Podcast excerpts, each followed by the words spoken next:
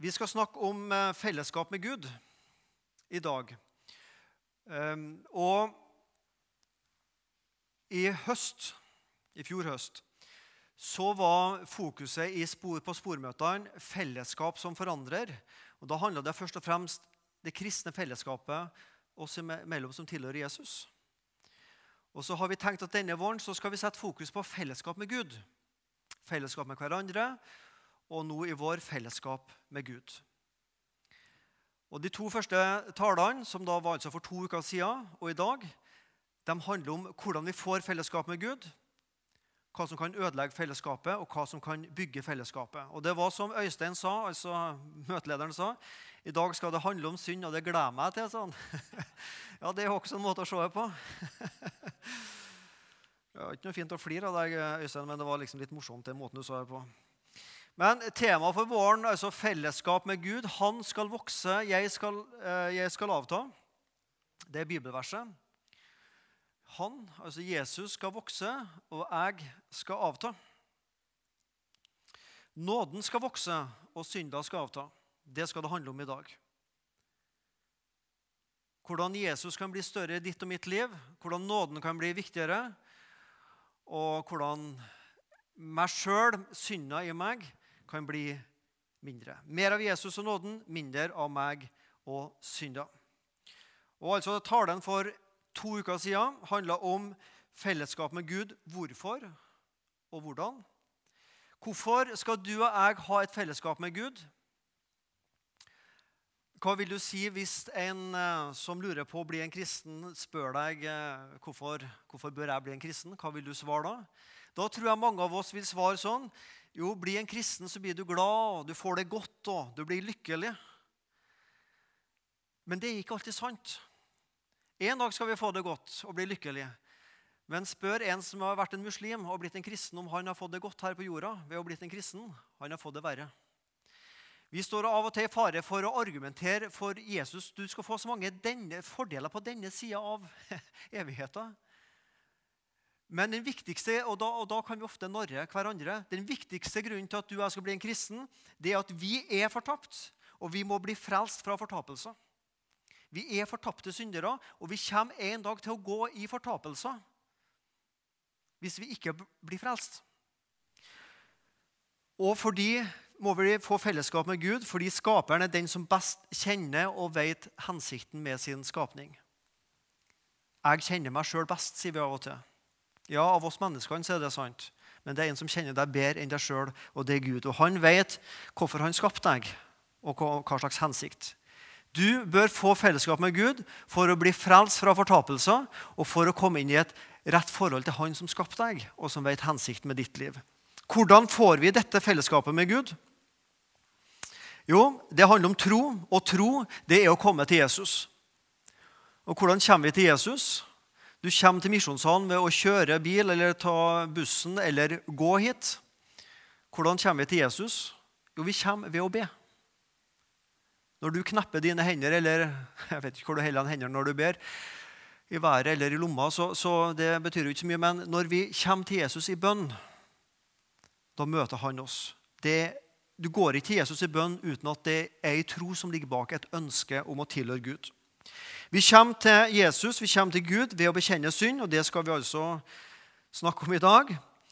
Eh, det handler om å tro og bli døpt, og det er et valg. Gud presser ingen til fellesskap med seg sjøl. Gud dytter ikke sitt fellesskap på deg. Han tilbyr deg sitt fellesskap. Men det er et valg du må ta om du vil ha fellesskap med Gud. Det var altså talen sist. Og vi har i Misjonshallen ei glimrende internettside som har følgende adresse misjonshallen.no. Der ligger det ut de aller fleste talene som blir holdt her i Misjonshallen, blir lagt ut der på egen mediaside. Der ligger det mange bildereportasjer fra arrangement. Der ligger det taler og mange ting. Ta gjerne og Kikk på den sida. Misjonshallen.no. I dag så skal jeg snakke om hva som kan ødelegge fellesskapet med Gud, og hva er det som bygger fellesskapet med Gud. Og Før vi kommer inn på det, så fortsetter vi å be sammen. Kjære Jesus. Du vet bedre enn noen hva som ødelegger fellesskapet mellom deg og mennesket. Så skal jeg prøve å si noe om det. Og så ber jeg at det må bli fornuftige ord som du syns er OK blir sagt. Og så er du såpass suveren at du stryker ut av Jeg ber iallfall det at du skal stryke ut av hukommelsen på oss det som jeg sier som ikke var så bra. Og så må du Hellige Ånd liksom legge ekstra trykk på det som er bra, slik at det både går til hodet og at det går til hjertet Jesus. Amen.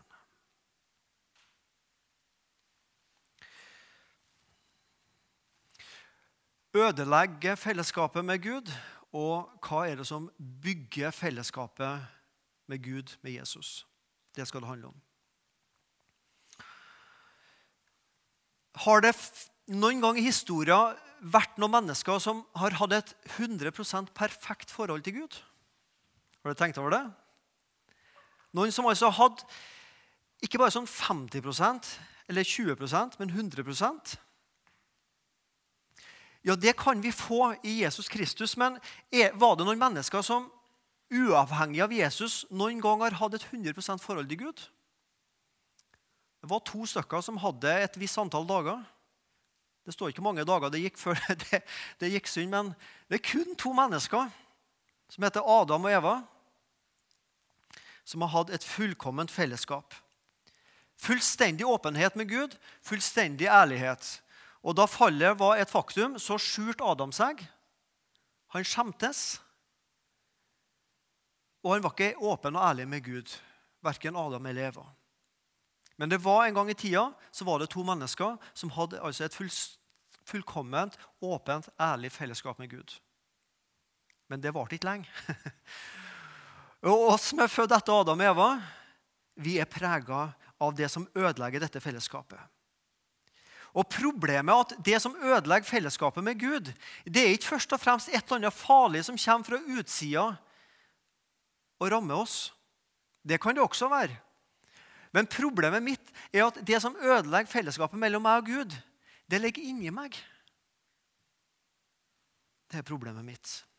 Og det er problemet ditt òg. Synd arvesynd. Noe vi må bli frelst ifra. Synda ødelegger fellesskapet mellom deg og meg og Gud. Det forstyrrer det daglige fellesskapet vi har med Gud. Det er deres misgjerninger som skiller mellom dere og deres Gud, sier profeten Jesaja i kapittel 59, vers 2. Og deres synder har skjult hans åsyn for dere, så han ikke hører. Synda skiller. Synda skjuler Guds åsyn fra deg og meg. Synd setter skille menneske og menneske. Hat. Vi snakker ikke sammen lenger. Vi vil ikke se på hverandre lenger. Et menneske du har noe uoppgjort med, møter du ikke gjerne blikket til. Vi unngår blikket, vi snakker ikke sammen. Og til slutt så bygges det hat. Det skiller menneske og menneske. Men det skiller også menneske og Gud. Det første er alvorlig, at det skiller menneske og menneske. Men at det skiller Gud og menneske, det er skikkelig alvorlig. Skjuler Guds åsyn. Synd, det fører til ei skyld. Jeg står i ei skyld til Gud. Jeg har ei gjeld overfor Gud pga. min synd. Fellesskapet ødelagt. Du har sikkert fått spørsmålet 'Hvordan har du det?' Det, det, det får vi ofte, og så finner vi på et eller annet. 'Takk, bare bra', sier vi. Det er jo, det er jo ikke sant. da. For det går ikke an her på jorda å ha det bare bra. En dag skal vi få det bare bra i himmelen. Men vi kan ha det rimelig bra og sånn passe bra. Hvordan har du det? Kanskje har du fått spørsmålet 'Hvordan går kristenlivet ditt?' Det er ikke så ofte vi tør å stille det spørsmålet til hverandre. Kanskje skulle vi gjort det oftere. Men hvordan går kristenlivet ditt? Hvis jeg nå spør deg, og du får svar for din egen del inni ditt eget hjerte, hvordan går kristenlivet ditt? Hvordan, går, hvordan har det vært det siste året?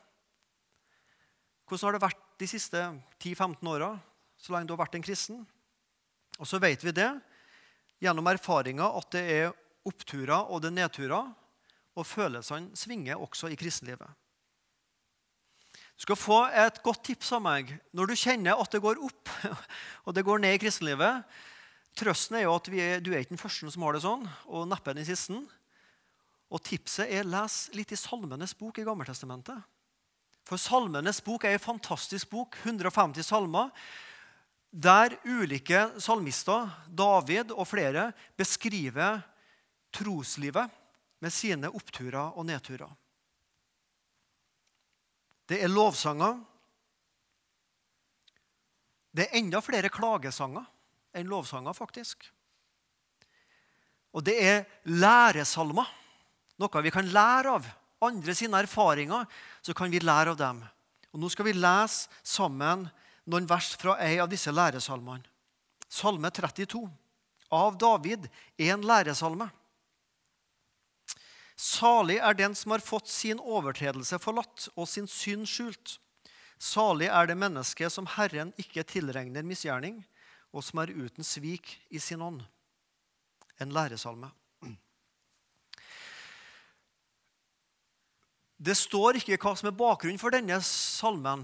Det står ikke hva som er erfaringa for at David skal lære oss noe. Men det er en salme til i Gammeltestamentet som ligner på Salme 32 og det er Salme 51. Og Der står det bakgrunn for at David skrev den. Og Historien kortfatta er som følgende. David er på sitt kongeslott en sen kveld. Går opp på taket, kikker over til naboen. Og Der eh, er det ei dame som holder på å bade, som heter Batseba.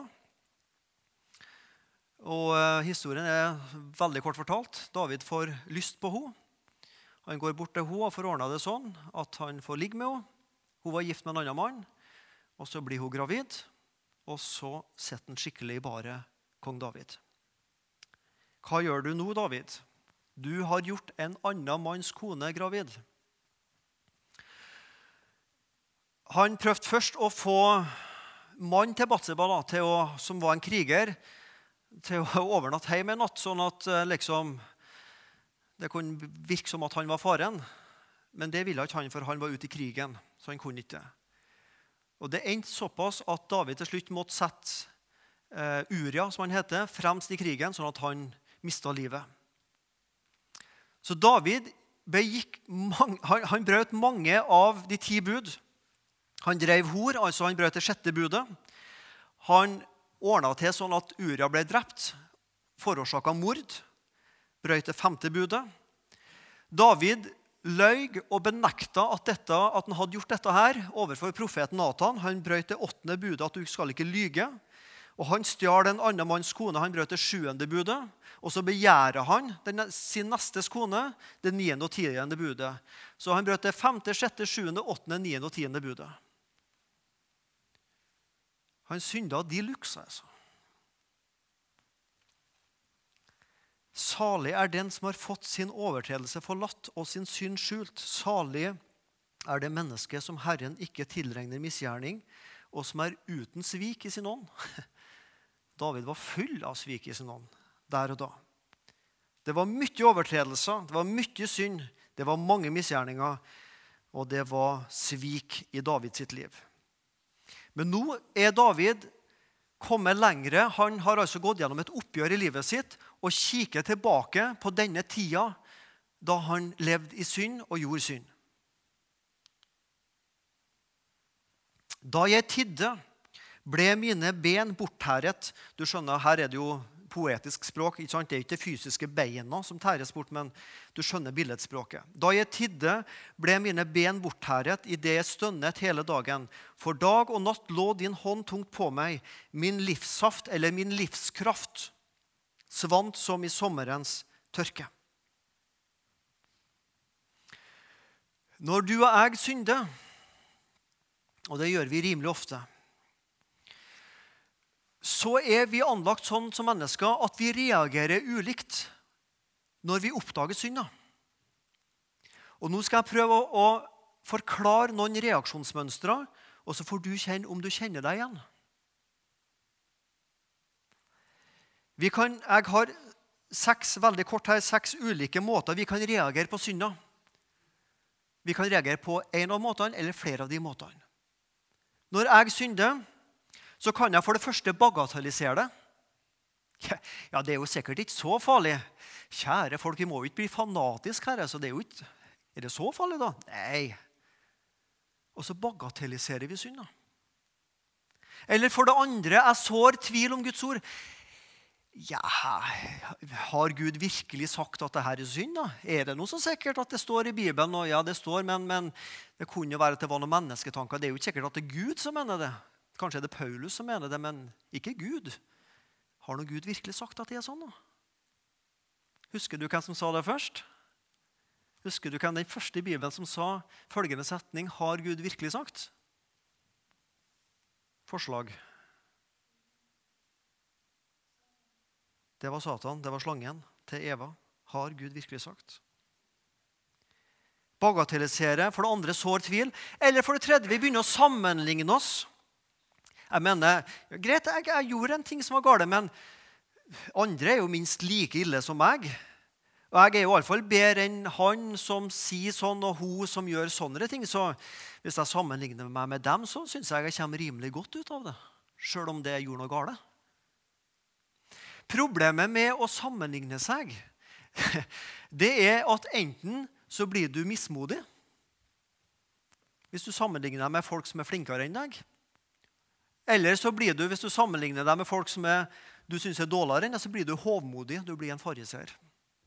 Å sammenligne seg fører til at vi enten blir mismodige eller hovmodige. Og begge tingene er like dumt. Men vi kan altså i møte med synd begynne å sammenligne oss. Og det gjorde sikkert David også.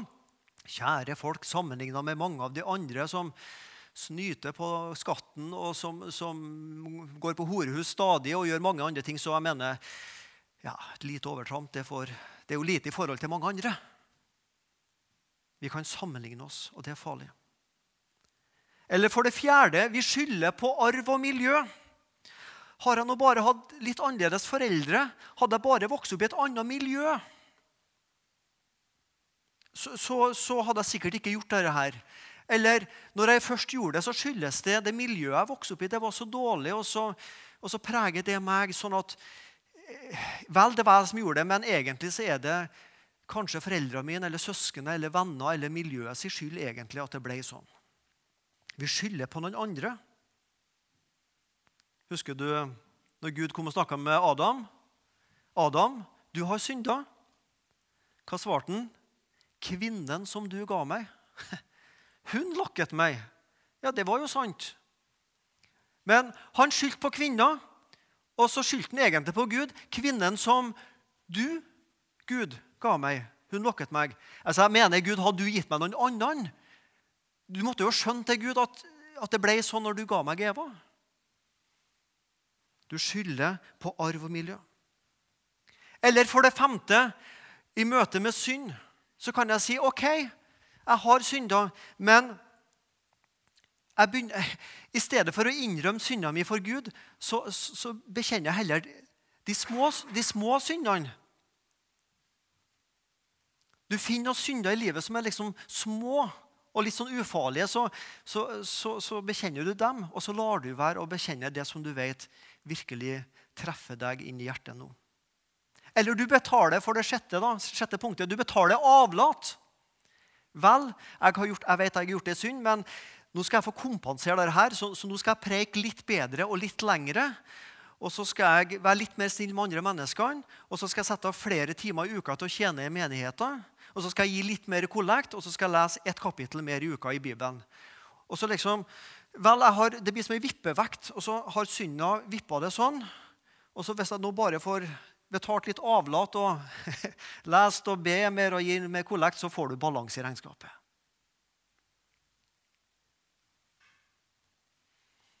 Da jeg tidde, ble mine ben bortherret. Har du tida med synda? Har du gjort erfaring på det i livet ditt? At du vet at du har gjort noe galt? Men det går nok over. Folk har korttidshukommelse, og forhåpentligvis har også Gud korttidshukommelse. Sånn at hvis jeg bare tier om det en stund, så går det over av seg sjøl. Mange som sitter her og hørt om ei som er forkynner i Misjonssambandet, og misjonær som heter Wenche Lunde. Ei fantastisk dame. God å preike. Jeg skulle ønske jeg var som hun.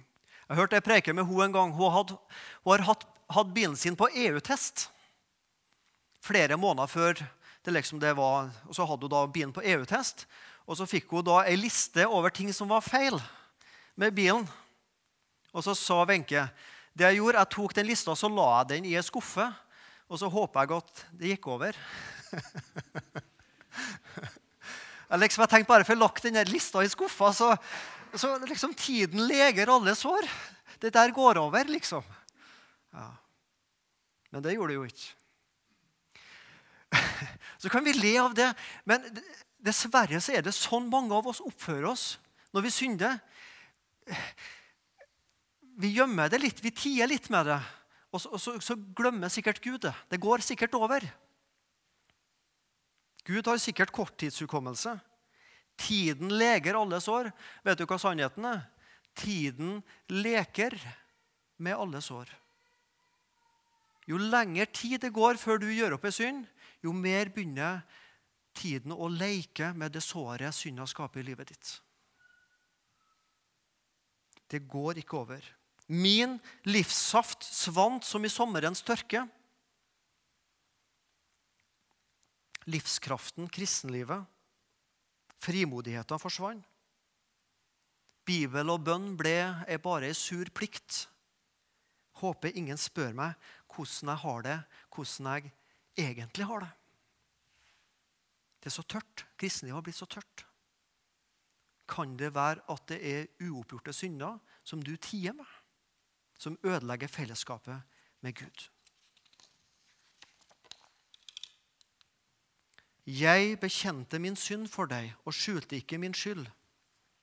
Jeg sa, jeg vil bekjenne mine misgjerninger for Herren. Jeg er helt sikker på at David bagatelliserte, han unnskyldte seg, han sammenligna seg. Skyldte på arv og miljø, kanskje. Håpa at det gikk over. Han gjorde jo det, da, for han tidde med det. Men du kan altså velge en annen måte i møte med synda. Og det er denne måten. Da bekjente jeg min synd. Jeg vil bekjenne mine misgjerninger for Herren. Å bekjenne, det betyr å si det samme som. Jeg bekjenner meg som en kristen. Gud sier forhåpentligvis som Svein Anton at han er en kristen. Og jeg sier det samme som Gud sier. Jeg bekjenner meg som en kristen. Og Når du bekjenner synd, så sier du at ok, jeg godtar det Gud kaller den tingen for synd. Jeg godtar det som synd, og jeg bekjenner det som synd. Jeg aksepterer Guds dom over den og den tingen. Hva jeg sa, hva jeg tenkte, hva jeg gjorde. Det å bekjenne handler om å være konkret. Syns du det er vanskelig å bekjenne at du er en stor synder? Jeg har ingen problem med å rekke opp hånda og si at jeg er en stor synder. Det koster meg ingenting å si at jeg er en stor synder. Det koster meg derimot mye mer å være konkret og innrømme at jeg ikke bare er en stor synder, men jeg er en liten tyv, en liten ekteskapsbryter, jeg er en liten løgner. Det koster å være konkret, men å bekjenne handler om å være konkret. Og så skal synda bekjennes med sitt rette navn. Som synd og ikke som en tabbe. Hor skal bekjennes som hor og ikke som et lite sidesprang, et lite eventyr. Baktalelse skal ikke unnskyldes som en morsom historie. Synda er ikke pen og må derfor ikke gis pene navn. Synda skal bekjennes med sitt rette navn. Konkret med sitt rette navn, og så skal synda bekjennes i sin helhet. En mann bekjent, han innrømma å ha stjålet et tau. Har du hørt den historien? Om han som hadde innrømma at han ok, jeg stjal et tau. Ved nærmere ettersyns og undersøkelser så viste det seg at det var bundet en hest til andre enden av tauet. Hele synda skal bekjennes. Da bekjente jeg min synd. Jeg innrømte sånn det var. Jeg var konkret, jeg satte navn på det, og jeg ga det det rette navn. Og jeg bekjente hele synda.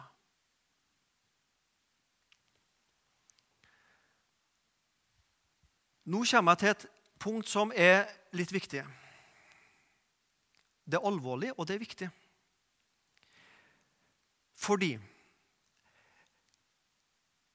det fins en skjelning i Bibelen mellom det som heter å synde, og å leve i synd.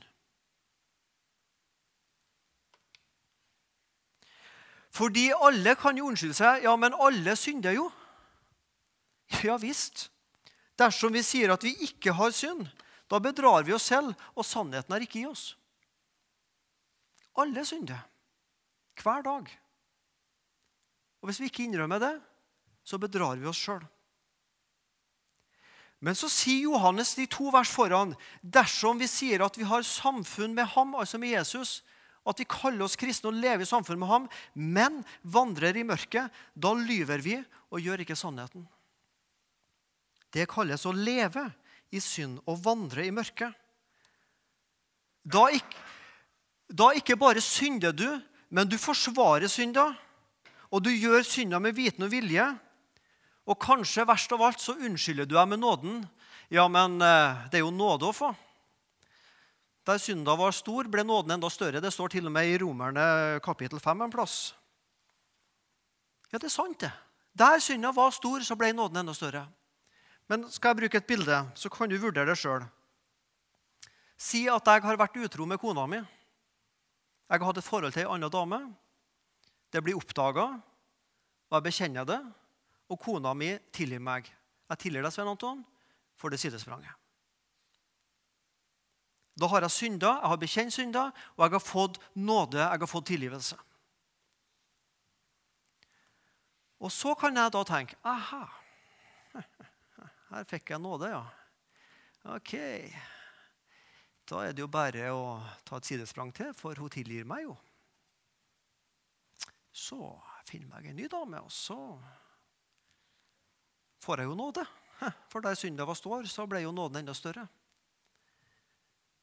Og hvis kona mi, og hun er from og åndelig dame, vil jeg sikkert ha tilgitt meg andre gangen også. Men hva gjør jeg da? Da gjør jeg det som heter å synde på nåden. Jeg synder fordi jeg vet jeg får nåde. Jeg trår Guds sønns blod under fot og sier «Ah, jeg får jo nåde, så jeg fortsetter med det. Jeg forsvarer synder, jeg gjør synder med vitende vilje. Jeg unnskylder meg med nåden. Synd fører i fortapelse, men å leve i synd er det ikke tilgivelse for hvis vi ikke kommer og ber om tilgivelse for det. Nå har jeg snakka mye om synder. Så får jo møtelederen spørre seg sjøl var det så kjekt som han sa før jeg starta med det. Vel, dette ødelegger fellesskapet mellom deg og Gud. Men nå skal vi si litt om hva som bygger fellesskapet. Og Det er siste del av vers 5 i Salme 32. Altså Jeg bekjente min synd for deg og skjulte ikke min skyld. Jeg sa, jeg vil bekjenne mine misgjerninger for Herren og du tok bort min syndeskyld. Og du tok bort min syndeskyld. Ta bort. Tok bort. Oppretta. Eh, å ta bort det er det samme som soning, det er tilgivelse. Det er å bli fri for syld, skyld og gjeld. Det kaller vi nåde. Det at Gud soner de og min synd, det at Gud tilgir oss, det at vi blir fri for vår skyld i forhold til Gud og blir tatt bort syndeskylda, det kaller vi nåde. Og Nåden kan du definere på mange måter. Dette er den beste definisjonen jeg har hørt. Når nåde er når Gud gir meg det jeg trenger, og ikke det jeg fortjener. Det er nåde. Du kan sikkert finne mange andre gode definisjoner. Denne syns jeg treffer innertier. Nåde det er når Gud gir meg det jeg trenger, og ikke det jeg fortjener. Hva er det du og jeg trenger? Jo, det er tilgivelse. Det er et nytt liv sammen med Jesus. Og hva er det du og jeg fortjener? Det er straffen for vår skyld, fortapelsen. Men når Gud gir oss tilgivelse Og ikke bare, gi, altså, ikke bare at vi får det og kan kjøpe det, men du får det gratis i tillegg. Da er det nåde. Salig er den som har fått sin overtredelse forlatt, sin synd skjult. Salig er det mennesket som Herren ikke tilregner misgjerning, og som er uten svik i sin ånd. Forlatt sin synd, tatt bort på korset. Overtredelsene forlatt på korset, synda skjult med Jesus i grava. Herren ikke tilregner misgjerning. Ikke tilregner. For et eller annet blir du og jeg tilregna. Gud regner et eller annet på oss. Enten regner han synda på oss, eller så blir vi tilregna Jesu rettferdighet. Gud regner ikke synd. Gud utsletter synd. Gud regner med Jesus. Gud er fornøyd med Jesus. Tenk at han regner med Jesus og Jesus' sin gjerning, og ikke min synd lenger. Det er nåde. Det er fantastisk. Det gir et nytt liv. Nåde er gratis. Nåde er ufortjent. Ordet nåde betyr gratis. Og Derfor er det så vanskelig å forstå også, og akseptere. Men derfor er det også så viktig og avgjørende å få tak i nåden. For kristenliv uten nåde er egentlig ikke et kristenliv. Det er bare et strev for å prøve å fikse livet som passer bra. Men den som har behov for nåde, det er den som bekjenner sin synd for Herren. Nåden er grenseløs, uten grenser, for all synd, for alle mennesker og for alle tider. Det er ikke noen grense ved noen type mennesker og noen mennesker ikke. Til visse tider av historien og andre tider ikke. For visse typer synder og for ikke andre typer synder. Alle mennesker, all synd, til all tid. Grenseløs nåde. Og så er den grensesprengende. Der synden var stor, ble nåden enda større. Romerne 5,20. Synda kan aldri utkonkurrere, overgå nåden. Synda kan aldri bli sterkere enn nåden. Nåden vil alltid være større og sterkere enn synda. Og Derfor er det et kall til deg og meg å ta imot nåden med Guds frykt. Og nåden den er bundet til Jesus. Det er Jesus som er opphavet for nåden på korset. Det er Jesus som gir nåden, og Nåden handler også om Den hellige ånd. Det er Den hellige ånd som minner deg og meg på nåden, sånn at vi ikke glemmer nåden, men at den er levende inni hodet og hjertet og stadig fyller på nåden i ditt og mitt liv. Det gjør Den hellige ånd. Det er hans oppgave. Helt til slutt frelsesvisshet. Som kristne så, så sliter vi av og til med tvil. Iallfall i enkelte perioder av livet så, så, kjenner jeg på tvilen sterkere enn andre ganger. Noen kan tvile på eh, så finnes Gud. Er Gud til? Vi kan tvile på om Bibelen stemmer. Er det Bibelen som stemmer, eller er det vitenskap? Eller hvordan forholder her seg? Og så kan vi ha en type tvil som er kanskje den vanskeligste og vondeste. Det er er jeg en kristen. Tilgir Gud? Ja, altså Gud tilgir, ja, Gud fins, ja, men tilgir Gud meg? Det er greit han tilgir den og den som er flink og eh, fikser sånn og sånn, men tilgir Gud meg? Gjelder nåden meg? Kan jeg være en kristen? Du har bare trettet meg med dine synder og voldt meg møye med dine misgjerninger. Det er Gud som sier det.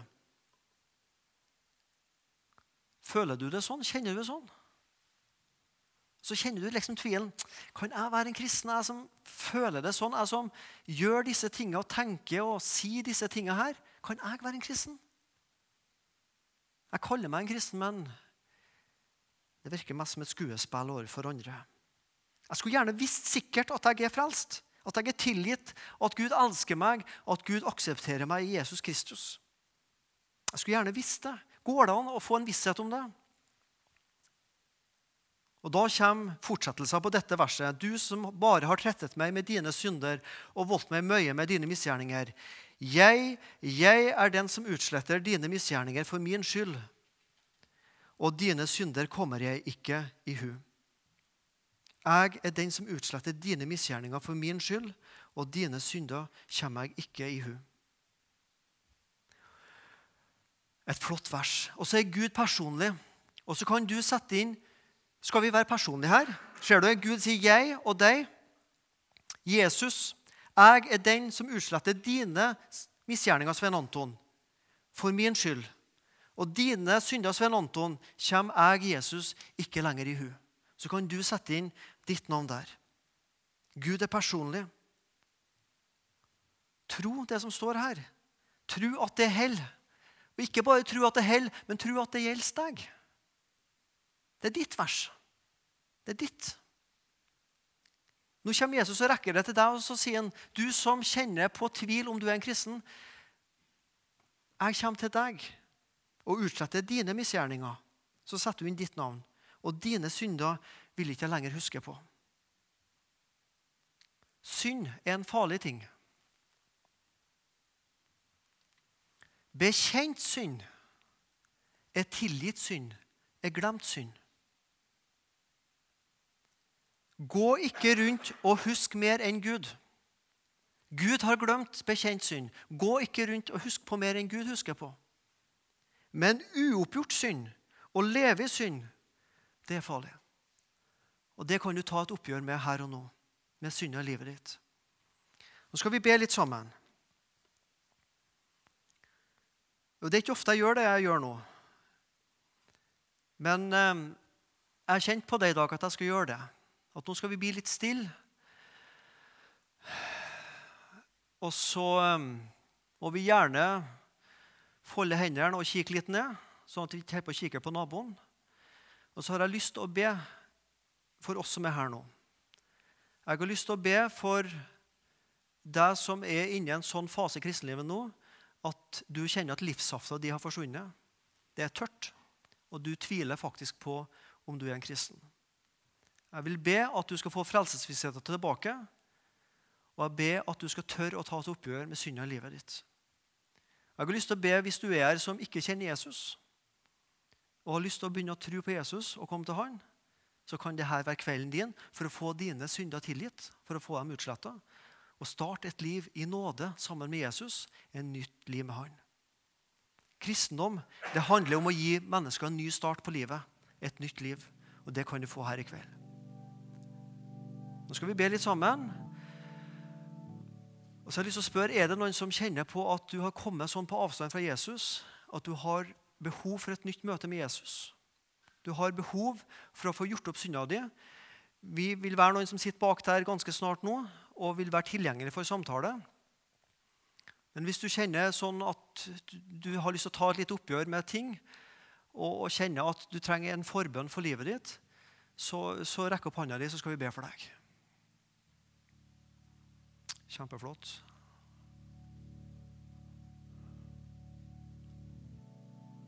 Ja. ja. Kjempeflott.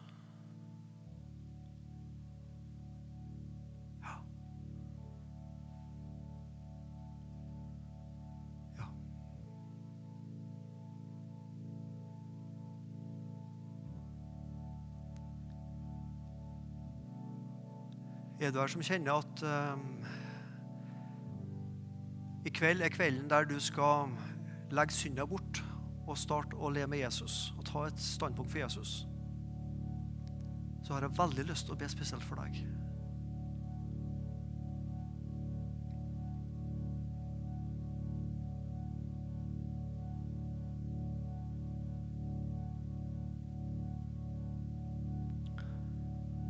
Vi be sammen. Kjære Jesus, du kjenner oss som sitter her. Herre Jesus, du, eh, du vet mitt hjerte og hjertet vårt. Du vet hjertet er sviktefull. Der bor det synd, og der bor det ting som ikke er så bra. Så jeg vil takke deg, Jesus, at du har kommet og tatt bolig inni oss, vi som tror på deg og bekjenner ditt navn. Med nåden som er det sterkeste. Og takk, Jesus, for at din nåde den overgår synda. Den kverker synda. Den tar livet av synda. Den tar livet av synda si skyld, sånn at vi får stå ren og rettferdig for Gud. Nå ser du, Herre Jesus, de av oss som kjenner at vi har kommet på avstand fra deg. Vi har gjort ting som vi ikke skulle ha gjort. Vi har sagt ting til andre mennesker som vi ikke skulle ha sagt. Vi har fortalt ting som ikke var sant Jesus. Og tanker og ord og gjerninger har vært sånn at vi kjenner Jesus, at vi har kommet på avstand fra deg. Men vi har lyst til å komme tilbake. Så jeg har lyst til å takke for hver enkelt noe som rakk opp hånda for å gi uttrykk for at man trenger forbønn Jesus for sitt liv, for å komme nærmere deg igjen.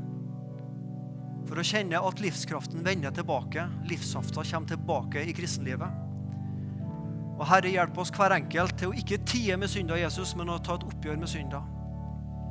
Bekjenne synda med sitt rette navn og snakke om det, slik at vi kan få legge det bak.